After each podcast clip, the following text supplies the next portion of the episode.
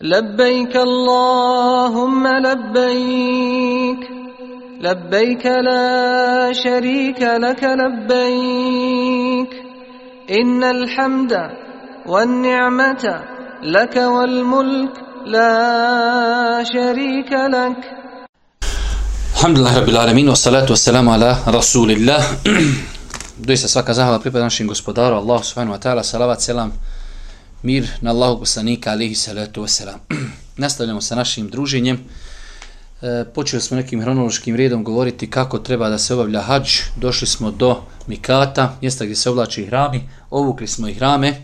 Počinjemo govoriti o tome šta je čovjek u periodu ihrama zabranjen. Rekli smo da je najstrožija, najopasnija zabrana u ihramima intimni kontakt, spolni odnos a sve što vodi tome je zabranjeno, ali najveći prekršaj je, najveći prekršaj je sam intimni kontakt. I rekli smo ako bi se desilo da čovjek ima ne intimni kontakt prije nego što je izišao iz ihramskih zabrana, taj intimni kontakt povlači sasvom pet veoma opasnih stvari. Druga stvar jeste brijanje kosi. Znači, dok smo u ihramima, ne smijemo brijati kosu. Allah Đelšanu kaže u Kur'anu وَلَا تَحْلِقُ رُؤُسَكُمْ حَتَّى يَبْلُغَ الْحَلْجُ مَحِلَّ I glave svoje, dok kurban ne stigne na svoje mjesto, ne brijte. Nemojte svoje glave briti dok ne dođe kurban na mjesto gdje će biti e, prinesena njegova žrtva.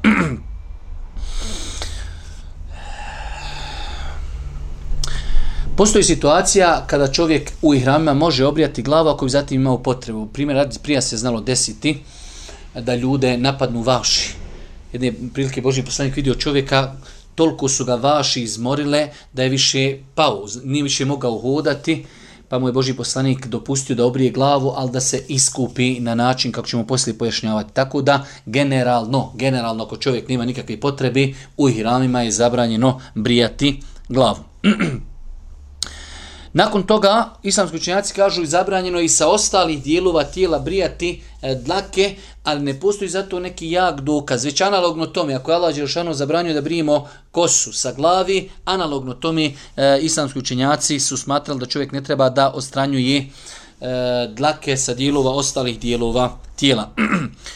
e, zato što ne postoji jak dokaz, e, možemo reći prioritetnije. Bolje da čovjek ne brije ruke, ne brije šta ja znam noge ili nešto drugo, eh, ali u svakom slučaju eh, ne postoji jak dokaz za to. Ono što postoji jasan dokaz jeste u kuranski riječi da čovjek ne smije brijati eh, glavu u periodu dok je u ihramima.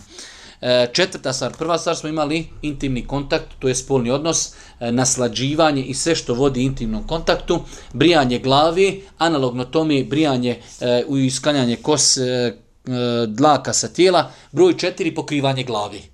Znači dok je čovjek u ihramima zabrajno pokriti glavu nečim što je sašiveno za glavu ili bilo čime, znači kao što je papir, kao što je krpa, da čovjek direktno pokrije glavu. Ima i o tome jasni hadis koji nećemo citirati zbog skučenosti s vremenom. ono što je bitno znati jeste da e, ta se zabrana ne odnosi na žene, odnosi samo na muškarce i rekli smo da se time odnosi nešto što je skrojeno na znači kalup kapi ili nešto što će biti direktno na glavi. Nekoliko napomina. E, imamo prva stvar da se čovjek skloni od sunca nečim što je odvojeno od njega. Ti primjer radi ispod drveta ili pored zgrade naiđe i tako dalje. U tome nema apsolutno nikakve smetnje. Da čovjek znači bude u hladu drveta, da bude čak u autu jer je to odvojeno od njega. Osim kod šija, znači dole dok su prija šije iranci dolazili na, na, na hađ, oni se vozi u autobusima i skinu im krovove. Neće kao da, da bude nešto između njih i, i, i, i, i ne znam nija čega, kako to definišu, ali to niko umetu ne radi osim oni. De, generalno oni inače voli da radi sve što radi, e, da radi suprotno od drugih. Mi dok smo prije studirali u Medini, mi svi u džamiju Ezan uči za jaci, oni iz džamije. Znači, ezan uči, mi svi u džamiju, hiljede ljudi, onih džamije. Tako da je kod njih ono, nivo, u njih je pravilo kontra. Radi sve što radi, radi kontra sve što ostali radi. E, s druge strane, dozvoljeno dozvoljno je čovjeku da se zaštiti od sunca nečim što će on držati. Imamo znači prvo da se čovjek zaštiti od sunca nečim što ne drži. Zgrada, e, drvo, e, auto i tako dalje dozvoljeno je da čovjek sam sebi nešto drži, ali što neće biti prilijepljeno za glavu. Uzme čovjek suncobran ili kišobran i nosi dok je u ihrama, inšala bizna, u tome nema ništa loše. E, čak da čovjek stavi ovako ruku, znači toliko mu je vruće, da stavi ruku na glavu, inšala biznila, nije u tome onaj ništa loše. Čak su neki učinjaci spomenuli da čovjek imate dole u Arapi dosta puta, nosi nešto na glavi imate žene stave zemzem, čovjek nosi torbu, e, ne želeći on time da, da nešto obuče na glavi, već jednostavno tako, teret to se na glavi. To je danas dan dole kod njih prisutno, dosta puta posljedacije vidi žene nosi, stavi kan, kanster e, vode na glavu i tako idu. E, ako bi čovjek s tim ciljem nosio torbu na glavi, zbog zato što tako teret nosi, inšallah nije sporno. Ono što je bitno da čovjek ne nosi kapu i da ne stavi neku krpu ili kapuljaču ili nešto što će prekriti njegovu glavu. E, broj pet od stvari koji se ne smiju koristiti ili od čega treba se čeba, tre, čega se treba čuvati u ihrama jeste oblačenje skrojene odjeći. Islamski učenjaci imaju jednoglasan stav da čovjek dok je u ihrama ne smije obući odjeću koja je skrojena, znači po nekom dijelu tijela, znači košulja, hlače, donji veš i tako dalje. E, sada dolazimo do tu e, do tog momenta rekli smo da velik broj umeta ima pogrešno ubjeđenje e, da se misli time nešto na čemu imaju šavovi što je neispravno. Znači na ihramu, ihram može biti podno opšiven, može biti zakrpljen, e, na papučama mogu biti konci, na torbici koju čovjek nosi može biti konac, znači, ali nažalost, nažalost velik broj muslimana ummeta neispravno svata te propise. E, rekli smo što se tiče e, žena, žene, njihov, njihovi ihrami su, njihovi ihrami su samo se ogledaju u nikabu i u rukavicama. E sad, četiri mezheba su dozvoljavali da žena dok je u ihramima pokrije svoje lice nečim mimo nikaba. Nikab u arapskom znači, znači nešto što žena pokrije lice i ima onu rupu. Nekb ima znači rupa. Dok ako žena uzme svoj dio mahrame i prebaci preko lica, to nije zabranjeno. Čak znači četiri meseba kažu da žena kad je u ihramima, ako su pored nje muškarci stranci u autobusu, u tavafu, na mini, prekriće nečim lice. Ali je bitno da ne prekriva lice nečim što ima rupu. Isto tako rukavice. Žena u ihrama neće nositi rukavice da imaju prste, ali da žena uzme da uzme ruke i da ih podvuče pod mahramu, e, pod džilba, pa čak i da čara pobuče na rupu, na ruku to nije zabrajno. Već je zabrajno na ruke obući rukavice.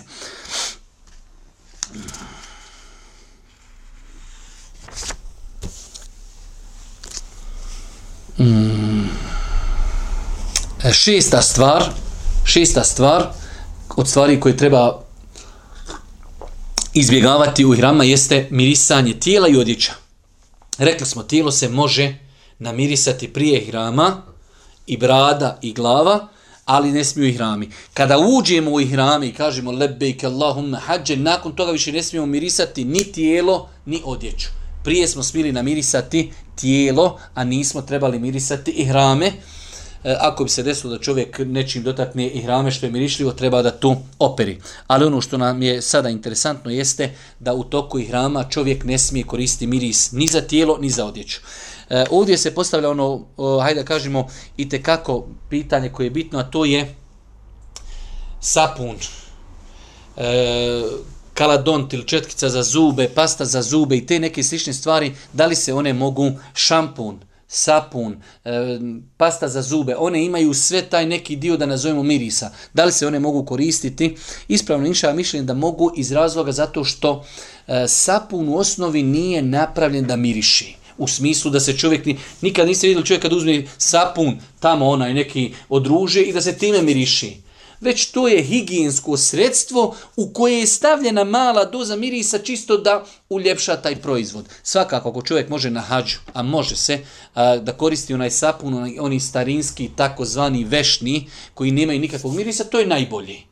Ali da čovjek koristi e, šampon, koji ima u sebi neku dozu malo mirisa ili sapun koji ima jednu dozu mirisa, ali osnova tog sapuna jeste da je to higijensko sredstvo, pa čak i oni maramice. Maramice u osnovi su napravljene vlažne maramice da čovjek može obrisati ruke ili da žena može obrisati dijete. One nisu primarno napravljene kao miris. I zato one ne potpadaju pod ovu zabranu. Velik broj ljudi ne zna ovo pitanje. Znači, na hađu je zabranjeno koristiti miris za tijelo i zabranjeno je odjeću. Ali, uzeti e, mirisljivi sapun, tako ga ljudi zovu, i sa njim oprati ruke, e, ne smijeta, inšala. Ako bi čovjek to izbjegavao iz jerke predostrožnosti, inšala biznila, on je, on je ispravno postupio. E, sedma stvar, kraćenje nokata. Kaže nam, kaže nam e, šest safet, prijetno smo spomenuli da je muhrimu pohvalno da pri ulaska u obride skrati nokte.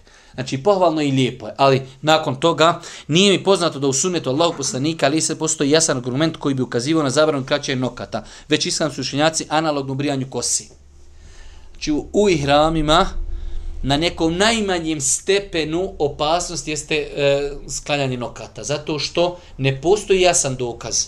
Već su islamski učenjaci kazali, ako je zabranjeno brijati glavu, analogno tome je zabranjeno i brijati i dlake na tijelu, analogno tome i kratiti nokte.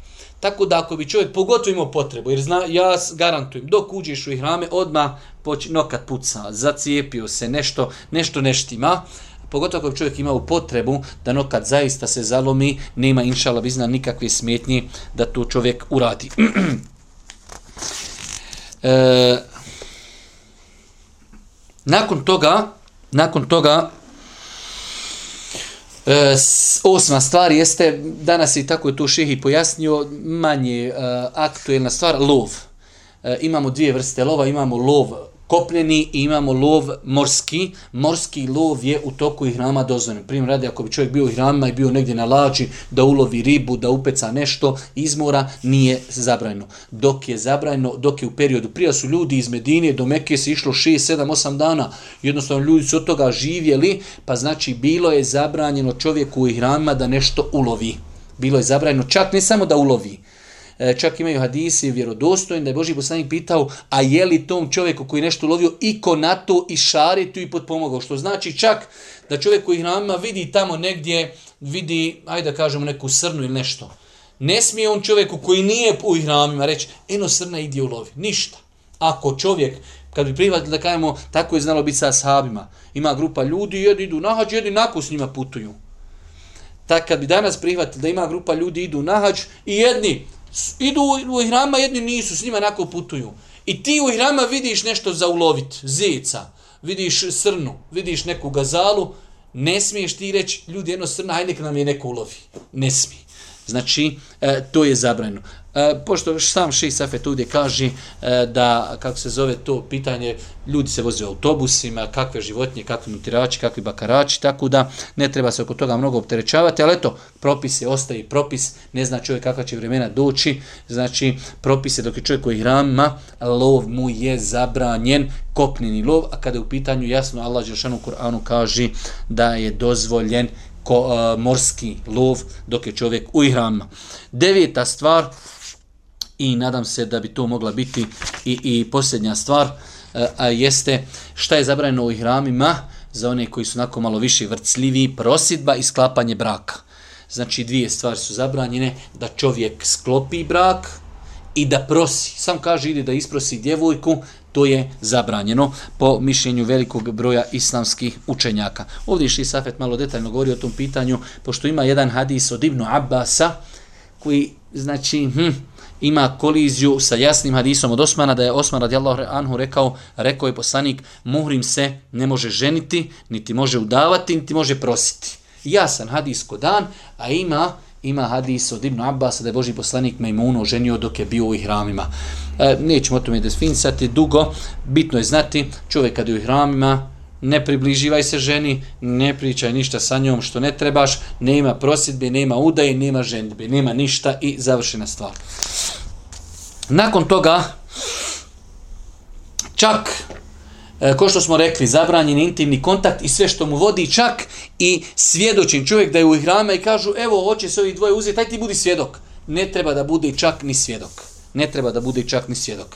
Čak znači ako bi čovjek sklopio brak, kažu učenjaci nije ispravan, čovjek u ihramima i eto, ne zna šta će odmuke, da se oženi dok je u ihramima, taj brak je neispravan jer je jasno zabranjeno hadisma Božih poslanika. Nakon toga, e, nakon što smo vidjeli ti neki 8 do 9 postupaka koji ne smije činiti čovjek, šta čovjek smije činiti, a velik broj ljudi ne zna da se to smije činiti u ihramima. E, smije se, znači, rekli smo, lov kad je u pitanju morske životinje. Isto tako kad bi čovjek imao potrebu da zakolji životinju, nema nikakve smetnje. E, ubiti štetočinu. Znači čovjek, e, da li muha, da li komarac, da li neki insekt, da li zmija, da li nešto što, što mu može štetiti, nema nikakve smetnje da čovjek ubije e, nešto, neku štetočinu, nešto što mu smeta.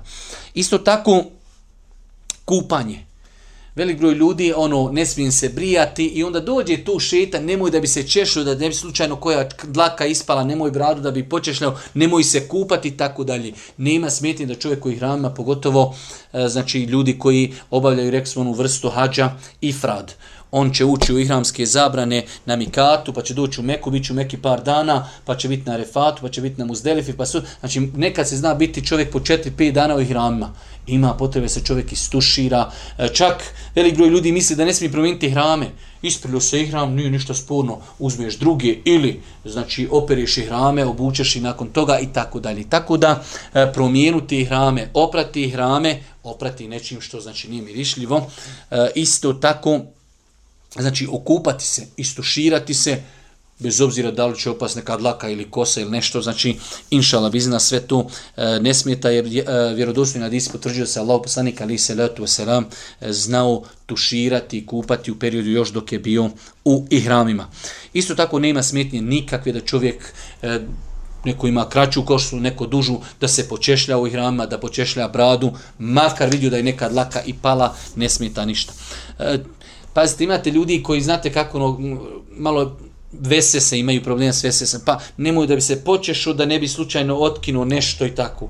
Počešati se po glavi, po nosu, po, po, po, po vratu, ništa tu ako Bog da ne smita. Hidžamu uraditi, ši Safet nam ovdje navodi e, da je hidžama, ako Bog da, dozvoljena. Tako da čovjek kad bi imao potrebu u toku dok je u ihramskoj zabrani, da uradi hidžamu, nema nikakve smetnje. Ovdje ši Safet navodi, kaže, mohri mu je dozvoljeno vađenje zuba ili ako ima neki čir da probije čir ili e, neke natekline nečega što je vađenje trna iz noge ili ruke, sve te stvari inšala ne, ne smetaju. Nakon toga nošenje nakita. Žena ima pravo u ihramskim zamljama da nosi nakit, ali svakako nakit žena ne treba da pokazuje pred muškarcima. e, ovdje imamo nekoliko nabrojanih stvari koje nam mogu svima trebati. Kaže Šej Safet, mogli je također dozvoljeno da koristi naočale, sočiva, sat, mobitel, prstin, ogledalo, slušalice, proteze za zubi, misvak, kajiš, torbicu, i sve što je dozvoljeno i sve što je šarijet dozvolio, ali što nije spomenuto u prethodnim zabranama. Imam ono što je zabranjeno, mimo toga nam je dozvoljeno. Ali ove stvari ših je nabrojio zato što se postavlja pitanja da li smijem nositi e, prstin, da li smijem nositi sat, da li smijem nositi kajš, da li smijem onu torbicu, znate one bubrege što ljudi imaju za dokumente, da li smijem torbicu preko ramena, sve te stvari uz Allahu pomoć se mogu nositi e, i nema nikakvi smetnji. Nakon toga kratko ćemo, nadajući se da inšala to nikome neće trebati, ali evo čisto samo kao, e, kao jedan vid e, znanja, kakvi prekršaj, odnosno kakvi iskupi imaju ako bi uradili neki od e, onih prekršaja koji smo spomenuli. Pa nećemo mnogo oko toga dužiti, ne daj Bože da se kome desi nešto, svoga efendiju, svoga muftiju, svoga daju, nekoga će nazvati i pitati kakav ima problem. Imamo znači prijestupe da smo radili nešto i nema nikakvi e, iskupa. To je e, primjer toga jeste sklapanje bračnog ugovora. Čovjek je dok je bio u ihramima, sklopio bračni ugovor, kažemo taj bračni ugovor je neispravan i nema nikakve iskupa, nema fidije, ne mora ništa platiti. S tim što je uradio grih, uradio je nešto što je zabranio poslanik, njegov brak je neispravan i to mu je dosta sankcija. Nakon toga, Prijestup za koji, e, za koji se počinioci skupljuje velikim iskupom. To smo rekli, to smo rekli intimni kontakt. Znači čovjek ako bi imao spolni odnos sa suprugom, e, znači e, prije arefata po konsenzusu učenjaka, a po većini učenjaka i prije znači onog prvog oslobađanja. Jer čovjek ima, poslije ćemo o tome govoriti, takozvano prvo oslobađanje ihramskih zabrana. To je ono kada e, bili smo na arefatu, noćili smo na muzdelifi, sutra dan bacamo kamenčiće, brijemo glavu i to se zove prvo oslobađanje tada čovjeku sve postaje zavan, može nositi odjeću, može se mirisati, samo mu još žene nisu dozvoljene dok završi tavaf. Dok završi tavaf i saj, nakon toga mu sve postaje ponovo dozvoljeno. Ako čovjek spolno opći sa ženom prije ovog bacanja kamenčića prvi dan Bajrama na veliku džemre, znači po velikoj većini islamskih učenjaka njegov hađ je pokvaren, počinio je grijeh, mora nastaviti dalje, mora zaklati kurban, devu ili ovcu i mora sljedeće godine doći. To je najgori prekršaj, ne daj Bože nikome. E, isto tako, e,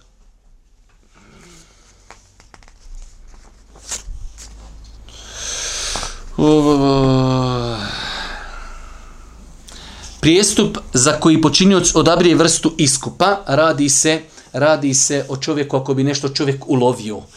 Nećemo nešto oko toga mnogo da se, da se hajde da kažemo, zahmetimo, ali e, takav čovjek bi imao, imao mogućnost ili da ili da e, takvu e, ubio je životinju, takvu sličnu životinju da, da prinese kao žrtvu ili da nahrani određen broj siromaha ili šta još imamo, ili da posti određen broj dana. U svakom slučaju, nadamo se, pošto smo rekli da je pitanje lova nije nešto aktuelno, tako da nadamo se inšala da nam to i ne treba. I na kraju to je neki najstandardniji oni prekršaj koji se mogu učiniti pokriti glavu, koristiti miris ili nešto od onih drugih zabrana. E, kaže se da čovjek prijestupi za koje se mohrim iskupljuje isto kao i za prijestup koji je bio prinuđen učiniti zbog uznemiravanja koji ga je snašlo tokom obrida. Rekli smo da je Boži poslanik vidio jednog čovjeka jedne prilike da su ga napale vaši dok je bio još u ihramima. A rekli smo u ihramima je zabranio brijat glavu. Pa mu je poslanik Ali se to sam rekao obri se, nisam kaže ja, ja pričali smo o tebi, ali nisam toliko su ga vaši, da li vaši uzimaju krv ili ali su znači čovjeka toliko morali da ne mogu hodati. Pa mu Allah poslanik rekao, obri glavu, ali onda mu je Allah poslanik ali se letu wasalam rekao šta će da uradi. Pa znači ili da posti tri dana, ili da nahrani šest siromaha, ili da zakolje kurban. I to je taj neki, hajde da kažemo, to su ti neki prekršaji e, ostali, ako bi čovjek uradio nešto od prekršaja, ovo je taj neki najsveobuhvatni, najsveobuhvatni e, iskup za prekršaj, a to je post tri dana nahraniti ili nahraniti šest siromaha ili prenijeti žrtvu.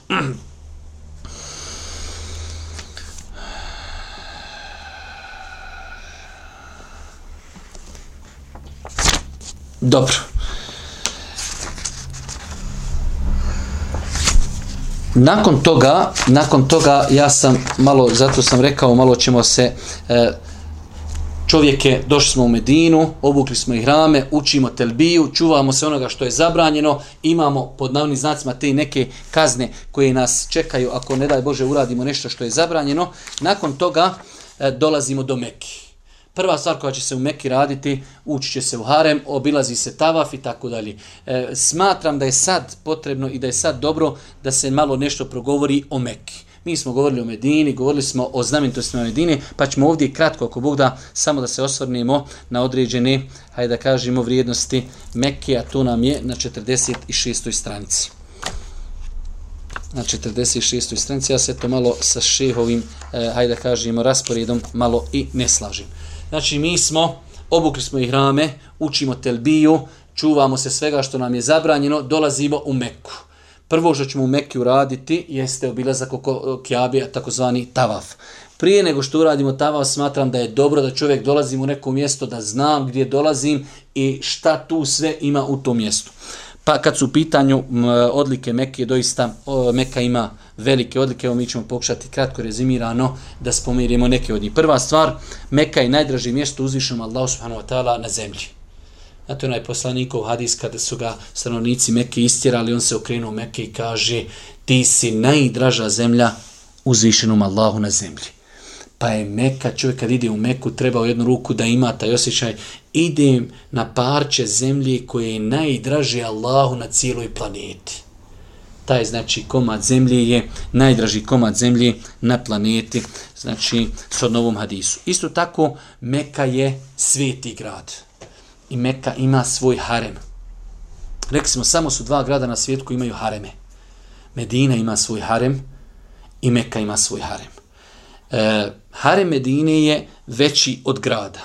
Dok sad Meka, znači, bar ono koliko ja, bar mislim, koliko znam, e, da znači Meka je nekada bila manja od Harema. Znači dole Meka je bila kod Keabi i širila se, širila se, širila se, širila se, toliko da je ona sad prošla granice Harema.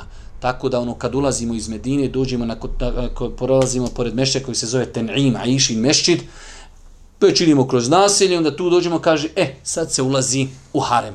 Pa je Medin, e, pa Medina ima svoj harem i Meka ima svoj harem, znači, a opet za, za taj harem se vezuju određeni posebni propisi. Isto tako, od svetsvišnosti Mekke jeste da se u Mekki ne smije nositi oružje došle su jasne zabrane Božijeg poslanika, sa Mekke ne smiju oružje, nositi oružje zbog svetosti Medine. Svakako iz svega toga se izuz, izuzima neko ko nosi sa određenom potrebom, da li je to policija ili neko slično tome, ali generalno kao ljudi, ljudi ne treba da nosi u Mekki oružje.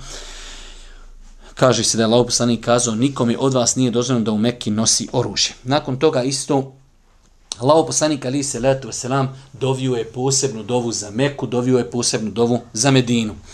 E, od e, osobenosti Mekke jeste da je Allaho poslanik ali se letu selam dovio za stanovnike Mekke, da je obećao da Dejjal neće ući u Meku. Vidjeli smo, smo govorili o vrijednosti Medine, da Deđal neće ući u Medinu i Deđal neće ući u Meku, a spomenuli smo malo koliko će to biti veliko iskušenje, da je to najveće iskušenje koji će zadesiti čovečanstvo, zbog toga što će uzvišnji Allah Deđalu dozvoliti Allahom dozvolom e, velike neke nadnaravne stvari, da će čak moći oživjeti ljude, da će moći ozdraviti bolesnije, da će e, narijeti narediti oblacima pustite kišu, oni će puštati kišu, gdje on naredni bit će suša i tako dalje. Pa je to jedno najveće iskušenje koji će zadesiti ljudski rod, eh, ali on u tih svojih 40 dana u kojih će obići cijelu zemaljsku kuglu neće moći ući u Meku i Medinu. Uzvišnji Allah posebno mrzi osobu koja čini grijehe u Mekki. Eh, na osnovu hadisa, vjerozostavljanja hadisa Božih poslanika, s time čovjek treba kad je već u periodu hađa, mi smo prošli put govorili, e, nažalost, žalosno je da ljudi ne mogu shvatiti ako jednom u životu idem na hađ, mogu li sedam dana koji ću provesti u Meki da, ta, da, da ne duhanim ako ništa u Meki da ne duhanim u Medini, u Haremu, ljudi iziđu iz Harema, zapali cigaru, e, E, da ne govorimo o nekim mnogim drugim grijesima, znači generalno čovjek treba e, između ostalog da bi njegov hađ bio mebrur, da bi bio primljen, da bi dobio tu veliku nagradu, vraćen kao na dan kada ga je majka rodila, da se trudi da što manje grijeha radi. Ima nešto što čovjek možda mora urati, E, milioni ljudi, žena, možda mora vidjeti neku ženu ispred sebe, to je nešto neminovno, ali ne mora zapaliti, ne mora brijati bradu, ne mora lagati, ne mora, ne mora, ne daj Bože, preko ovoga šetana slušati muziku, gledati e, filmove i serije, a, a nažalost mnogi to radi. E, isto tako od odlika od odlika samog mešćidul harama, Mešćidul Haram, kad se kaže inače taj kao termin, to je ona džamija koja se nalazi oko Kjabi. To je Mešćidul Haram. On ima svoje odlike. To je prva džamija koja je izgrađena na zemlji. Isto tako e, namaz. Rekli smo za Medinu. Namaz u Medini je hiljadu namaza. Znači, klanjaš u Bosni šest mjeseci, svaki dan klanjaš pet vakata, u Medini klanjaš jedan namaz i sve si to stigu. A u Mekki klanjaš jedan namaz, u Bosni trebaš klanjati 54 ili 55 godina da bi dole stigu samo jedan namaz. I zato sam ja više puta rekao i dalje stojim za toga, isplati se otići na hađ, otići na umru, plati onu kartu zbog jednog namaza. A čovjek dok odi na hađ, ako Bog da obavit će sigurno 10, 15, 20, 30 namaza. Jedan namaz je kao 54 do 55 godina obavljanja namaza, e, znači izvan, e, izvan Mekke. Isto tako, kaže Ši Safet, ova odlika obuhvata kako obavezni, tako i dobrovoljne namaze, po mišljenju velikog broja islamskih učenjaka. Tako da čovjek treba i koristiti meku što više krenati na file, iako ima učenjaka od kojih je i hanefijski mezeb koji kaže da se to samo dosi na farze. Ali, alhamdulillah, ako se odnosi sam na farze, opet, opet klanjate i sunnete, e, što bi rekao što više na file i čovjek treba da se što više trudi. E, rekli smo za Medinu, i Kuc i Meku, da su to tri džamije na planeti za koje je dozvoljeno posebno jahalicu, hajde da kažemo, osedlati ili u današnje vrijeme maksuz putovanja poduzeti. Mi danas ne možemo reći ode maksuz u Tuzlu da posjeti maksuz tu džamiju. to čovjek ne može. Ali može reći ode maksus da ode da posjetim Meku ili Medinu ili da posjetim Kuc. To su jedini tri džame za koji poslanik dozvolio da se maksus za njih putuje. Može čovjek ode u Tuzlu, ima nekog posla i kaže ode da, da klanjam u neku džamu ili da vidim tu džamu da je posjetim. Ali maksus iz svog grada krenuti putovanjem da bi neku džamiju posjetio, to je neispravno. Isto tako, najbolji izvor izvor vode na zemlji jeste u Mekke, a to je svima vama poznata voda zemzem. Isto tako, kada je u pitanju Kiaba, u Mekke se nalazi Kiaba, to je kibla svih muslimana. Svi ljudi na planeti se okreću prema Kiabi, to je kibla muslimana. E, kibla ima, kao Kiaba, ima veliku svetost.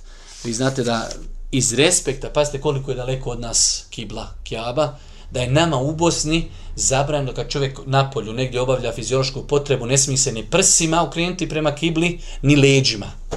Iz respekta prema svetosti Kjabe. Pazite, možda ima ljudi koji su 10-15 hiljada daleko od Kjabe, ali ne može, se, ne može se iz respekta prema Kjabi okrenuti ni prsima, ni leđima kada obavlja fiziološku potrebu. Velik broj učenjaka je čak rekao i u, znači prvo, svi kažu kad si na polju, obavljaš fiziološku potrebu negdje na otvorenom, ne treba.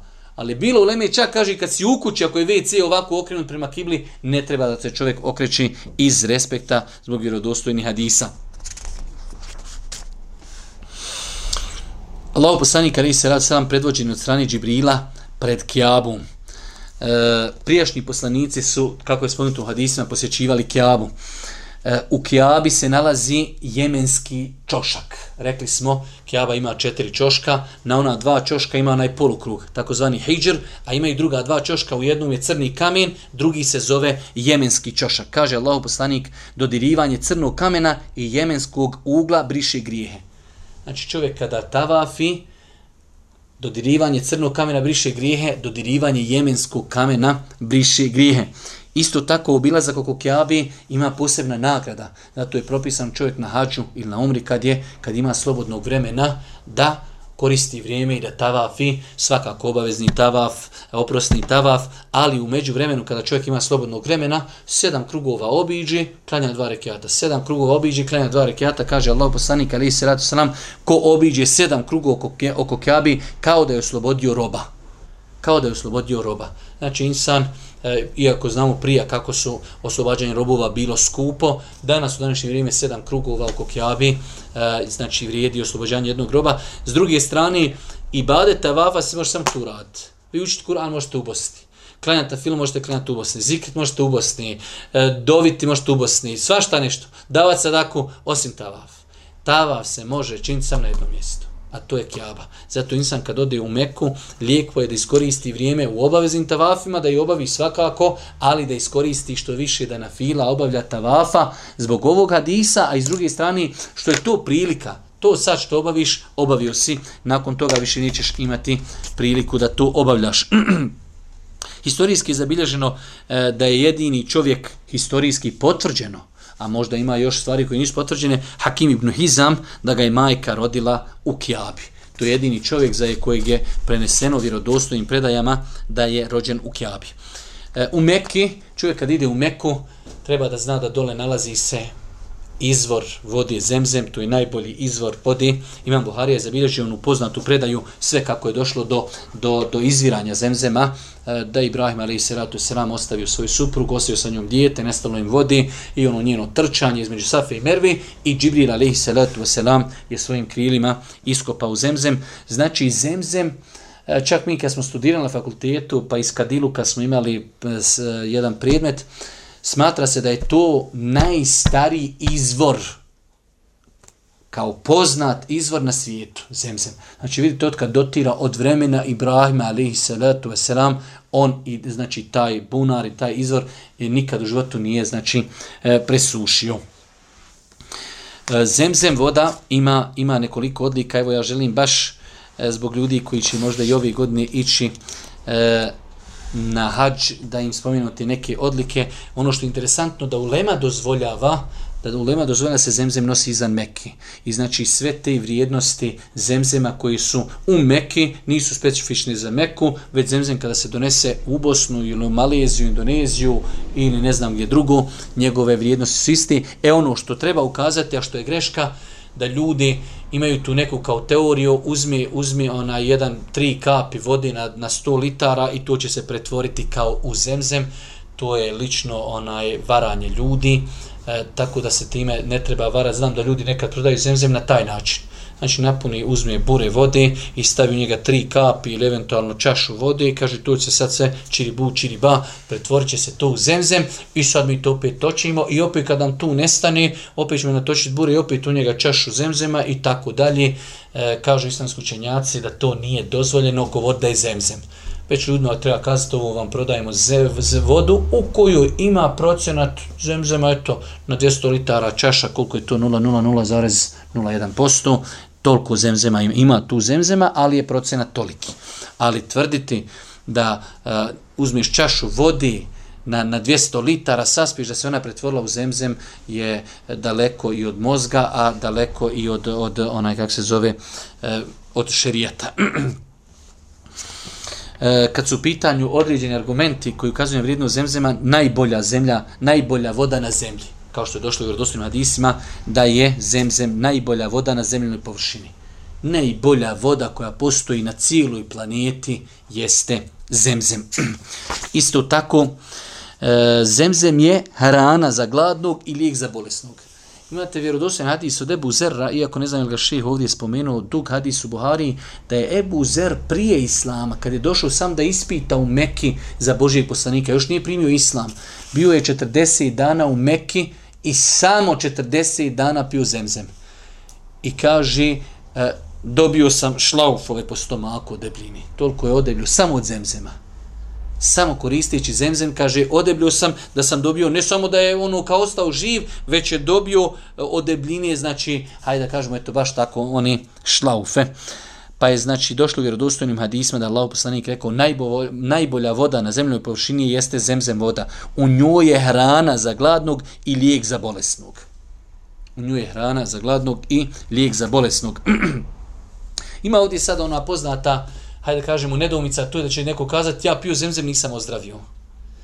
E, čak šeh ovdje navodi jednu lijepu priču, lijepo je da je, da je pročitaju na 73. stranici e, Hajva ibn Šurejh, kaže, on bi znao, kada bi dobio svu godišnju platu u iznosu od 60 e, dinara, on bi to sve podijelio siromasima. A prije nego što bi se, kaže, vratio kući, kada bi ušao u kuću, našao bi istu svotu novca pod posteljom u kući gdje je spavao. Čovjek podijeli sve, dođe kući, toliko para nađi. Kaže, kada je tu čuo njegov Amidžić, uradio je isto. Ali pod posteljom nije našao ništa. Pa se požalio Hajvi koji mu je rekao, ja sam tu pio zimzem u ime Allaha, ali ti si pravo bavu. Pa idem ja pokušati, da ću sad ako da vidimo će li tu upalt. Pa kaže, neće to upalit ko to pije, ko idem probat. Pa ako uspije, uspije, ne uspije, ne uspije. Tako da znači e, imate ljudi koji su najopakije bolesti koji poznaje medicina izliječili pinjem zemzema.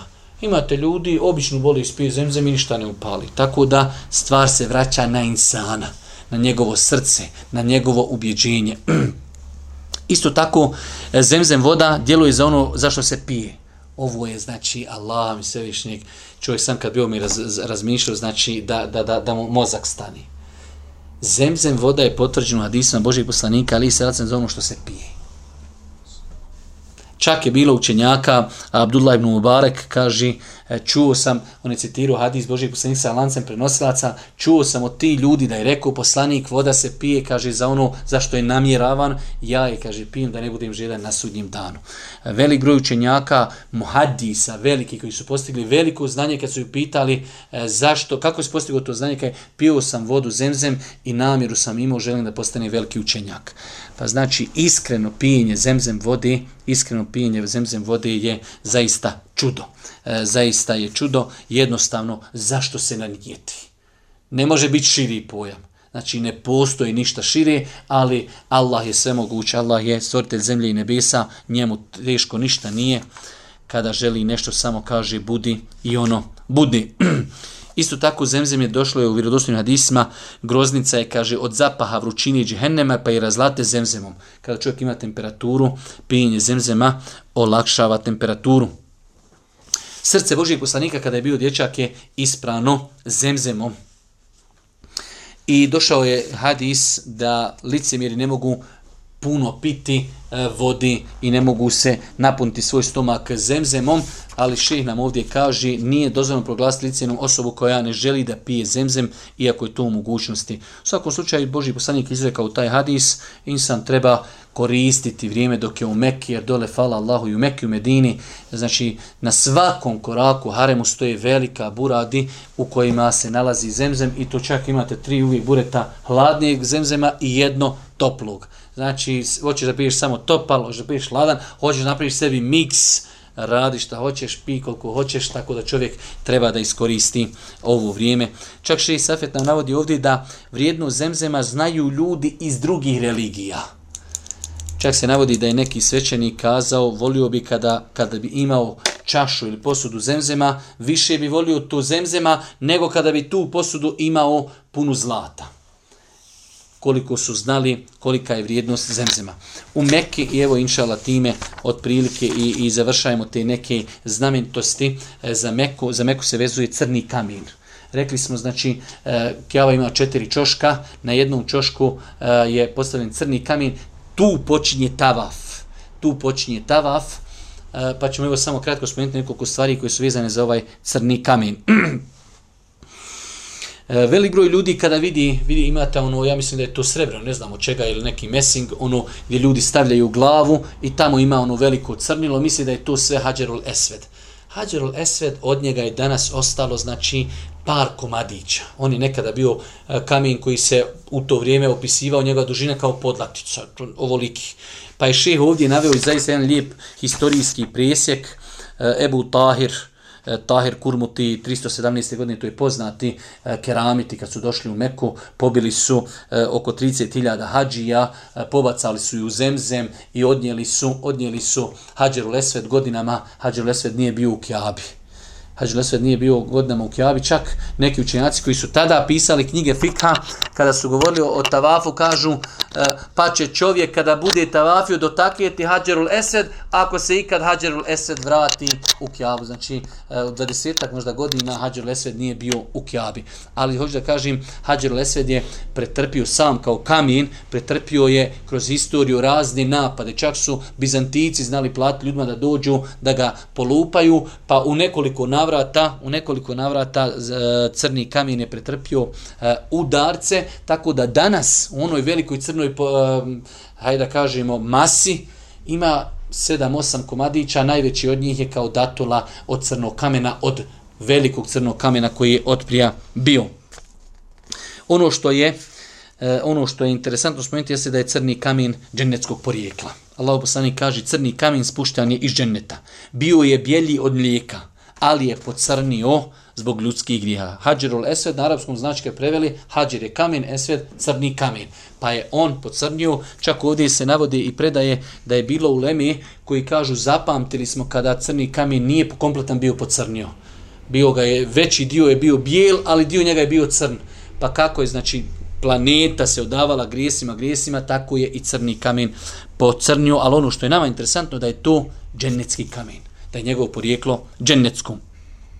Isto tako, e, vjerodostojni hadisi e, potvrđuju, kaže, crni kamen bit će poslan na sudnjem danu, imaće dva oka kojima će gledati i jezik, kojim će govoriti svjedoći će svakom koga je iskreno dotakeo. Znači, subhanallah i lazim, uzvišeni Allah će proživjeti crni kamen na sudnjem danu, imaće oči i jezik i svjedoći će ljudima koji su ga dotakili, ljubili, svjedoći će im da su to radili. Dodrivanje, rekli smo, crnu kamena briše grijehe. Insan, e, iako, evo nije nešto sad, ja ne volim o sebi inače govoriti, samo Allah zna koliko sam puta dole bio i na umrama i hađevima, svašta nešto, ali velik broj ljudi, kao što nam je u namaz u velikoj krizi, tako i hađi ljudi se na određene stvari toliko fokusiraju, dodirnite crni kamen, dodirnite crni kamen, ljudi padaju u to su guže, to je, to je nešto neopisivo. Znači čovjek samo može otići kod kjavi vidjeti tu gužu. Sad neko kaže, bila je guža na baščarši, to nemoguće porediti sa gužom pored kjabi. da bi ljudi dotakili kamen, nema tu više suštine i badeta. Jednostavno, e, ljudi su toliko, znači, zbog maksimalno što se može kazati crni kamen dodirivanje, da je sunnet, da je pohvalno. Ljudi na tom putu su spremni i gurati se, i svađati se, dodirivati žene. Nema šta ne radi da bi dotakio crni kamen, a prošli put smo spomenuli dodirivanje crnog kamena i badit samo ako se desi u toku tavafa. Da čovjek dođe iz hotela i kaže, evo sad nema guži, ode dodirni crni kamen, to dodirivanje crnog kamena nije propisano jedino propisano, propisano dodirivanje crnog kamena jeste u toku tavafa ili nakon što čovjek obavio tavaf pa je klanjao dva rekiata, ponovo da se vrati dotakni crni kamen, ali znači sve u kontekstu obavljanja hađa i lumri. Pa smo rekli dodirivanje crnog kamena, došlo je dodirivanje crnog kamena jemenskog ugla, briše grijehe. E, imaju argumenti i dokazi e, koji se pripisuju Božijem poslaniku da prima, da se dova prima kod crnog kamena. Tako je čovjek, pogotovo kad je u tavafu, nažalost, e, mi ćemo poslije govoriti o tim greškama, e, dođu ljudi iz Malezije, Indonezije, iz, pa i Bosanci, pa Turci, iznajme čovjeka koji bukvalno na megafon uči kao dovu, oni za njim ponavljaju, ti ne možeš, vjerujte da dođete kod Kjabi, ti ne možeš doći koliko te ljudi uzemiravaju time. A vrijeme, znači, kod tava, u tavafu je vrijeme dovi, vjerodostojni hadis potvrđuju da e, znači e, kod crnog kamena se primaju dove. Znači čovjek dok je u tavafu treba da dovi, da zikri, ljudi pale live, ljudi se slikaju, ljudi ne znaju šta će o sebi i tako dalje. Pa period, poslije ćemo o tome govoriti u tavafu, čovjek treba da iskoristi da što više dovi, da što više zikri i da, hajde da kažemo, što više se posveti i badetu. Od prilike, od prilike mi smo, ako Bog da, ovdje se zaustavljamo, išli smo nekim hronološkim redom, bili smo u Medini, obukli smo ih rame, vozimo se autobusom, učimo telbiju, ulazimo u Meku, logično je da treba da znamo gdje dolazimo, vrijednost Meke je ogromna, vrijednost Kjabe je ogromna, vrijednost crven, e, crnog kamena je ogromna, vrijednost zemzema je ogromna, dolazimo u Meku, trebamo početi